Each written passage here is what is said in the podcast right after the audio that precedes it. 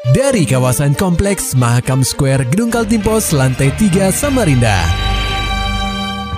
96,8 KPFM Kita akan ikuti program KP Flash News.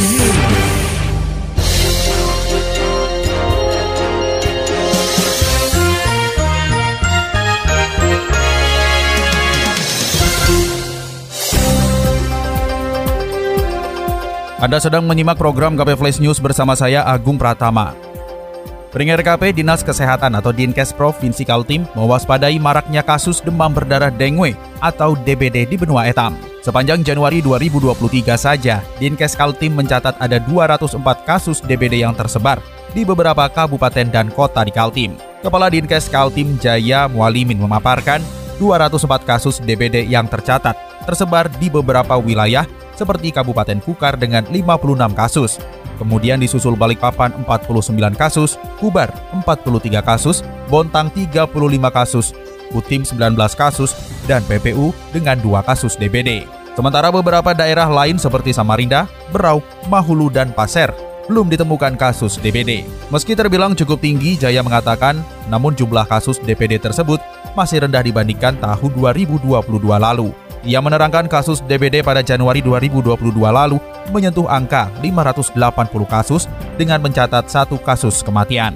Ini kasusnya cuma 204, ya Alhamdulillah, dan tidak ada kematian. Tapi tahun lalu ada satu. Ya, mudah-mudahan ini karena uh, apa kebersamaan kita dalam mengelola dan mengendalikan DBD sehingga masyarakat juga bisa uh, merasa terjamin kalau memang ada keluarganya yang kena panas atau karena DPD karena kita juga ingin agar uh, eh, DPD itu bisa dikendalikan karena ini masih musim hujan ya musim hujan tentu genangan dan sebagainya itu sebagai apa tempat untuk pembiakan yang lain ya. Lebih lanjut, Jaya meminta kepada masyarakat agar tetap waspada meski kasus DBD mengalami penurunan. Menurutnya, saat ini Kaltim masih masuk musim hujan sehingga genangan air yang menjadi wadah nyamuk untuk berkembang biak menjadi cukup banyak. Pendengar KP, DPRD Kaltim memperpanjang masa kerja dua panitia khusus atau pansus, yakni Pansus Investigasi Pertambangan serta Pansus Pembahas Rancangan Peraturan Daerah atau Ranperda tentang Rencana Tata Ruang Wilayah atau RTRW Kaltim tahun 2022-2042. Kepastian itu didapat melalui mekanisme rapat paripurna ke-6 DPRD Kaltim yang dihelat di gedung utama DPRD Kaltim Senin 6 Februari 2023. Rapat ini dipimpin langsung oleh Wakil Ketua DPRD Kaltim Muhammad Samsun yang didampingi oleh Wakil Ketua DPRD Sigit Wibowo. Ditemui usai kegiatan, Samsun menerangkan 28 anggota DPRD Kaltim yang hadir sepakat untuk memberikan perpanjangan waktu kepada dua pansus tersebut. Perpanjangan waktu ini diberikan karena ada berbagai hal yang belum terselesaikan sehingga tambahan waktu dilakukan untuk menuntaskan pembahasan. Khusus untuk pansus RTRW Samsun menerangkan pihaknya masih terkendala di Kementerian ATR BPN karena perlu ada persetujuan prinsip dari kementerian tersebut. Tetapi sampai sekarang persetujuan itu belum keluar. Sementara untuk pansus investigasi pertambangan, Samsun mengatakan karena outputnya nanti berupa rekomendasi, maka DPRD Kaltim akan memberikan rekomendasi perihal investigasi pertambangan di benua etam. Untuk memperoleh itu, maka pihaknya butuh sumber-sumber data yang akurat dan valid. Nah, kita akan keluarkan rekomendasi-rekomendasi terkait dengan investigasi yang kita lakukan terkait dengan pertambangan. Nah, untuk rekomendasi yang kita perlukan apa keluarkan supaya lebih valid dan lebih akurat, maka kita perlukan uh, sumber-sumber data dan juga uh, lapangan yang harus kita himpun. Karena masih ada beberapa yang belum terhimpun dan data-data yang ada kurang apa perlu kita verifikasi kembali maka kita lakukan perpanjangan. Setelah mendapat persetujuan dari 28 legislator Karangpaci yang hadir, kedua pansus ini pun mendapat perpanjangan waktu selama tiga bulan untuk menyelesaikan tugas-tugasnya.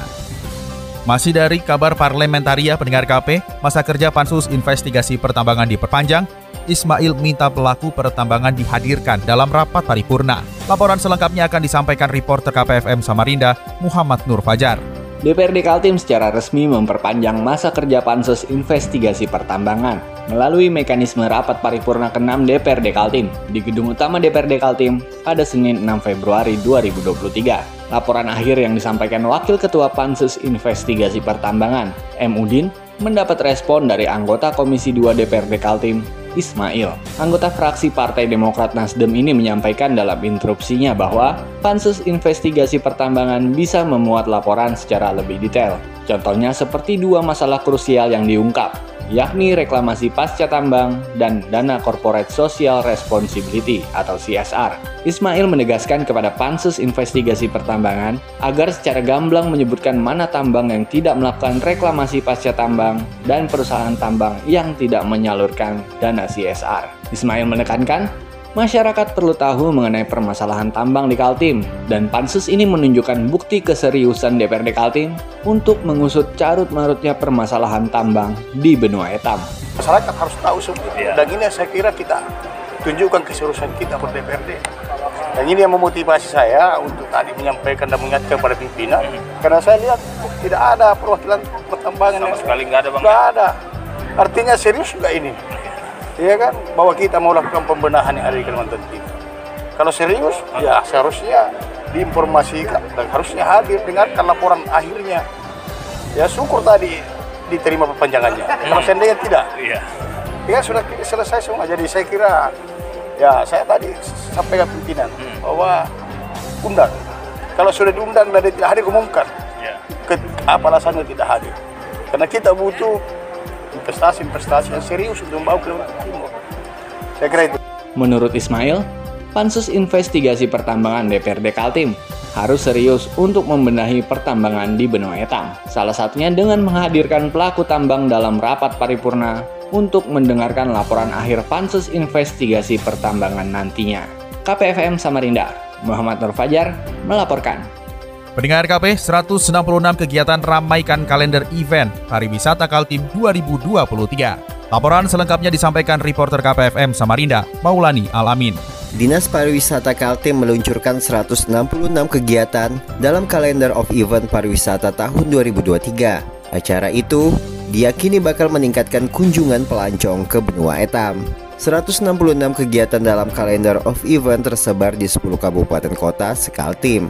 Ada empat jenis event yang bakal dihadirkan, seperti acara budaya, seni, olahraga, dan karnaval. Kepala Dinas Pariwisata Kaltim Ahmad Herwansyah mengatakan jumlah kunjungan wisata Kaltim pada 2022 lalu telah melampaui target yang ditetapkan Kementerian Pariwisata dan Ekonomi Kreatif. Ia berharap Hal yang sama terjadi pada tahun ini. Ini yang pertama itu kan promosi. Pasti itu sudah. Ya. Nah, meningkatkan jumlah kunjungan hmm. dari target yang awalnya dua jadi enam. Kalau bisa tuh naiknya di di di 20 2023 nih. Kalau 6 juta kan bagus lah. 2022 berapa sih Pak jumlah kunjungan Kaltim? Targetnya dua. Tapi realisasinya kamu tahu berapa? Berapa? 6 juta yang bisa tahun Nusantara maksudku kalau nya landai pandeminya mudahan aja bisa paling kada sama di lokasi yang sama Sekretaris Daerah Kaltim Sri Wahyuni menambahkan kalender of event dapat membangkitkan geliat pariwisata dan ekonomi kreatif di benua etam. Mantan kepala dinas pariwisata Kaltim itu mendorong pemerintah kabupaten kota untuk meningkatkan sektor pariwisata di daerahnya. Kalau kita lihat ya event dengan di wilayah Kalimantan Kaltim termasuk provinsi yang kaya event. Dan kalau event ini terlaksana tadi saya sampaikan ini akan menghidupkan rantai pasok ekonomi di sektor pariwisata. Dalam peluncuran kalender of event di Big Mall Samarinda, Dinas Pariwisata Kaltim juga menyuguhkan berbagai atraksi tarian khusus benua etam hingga fashion show yang memperkenalkan busana etnik.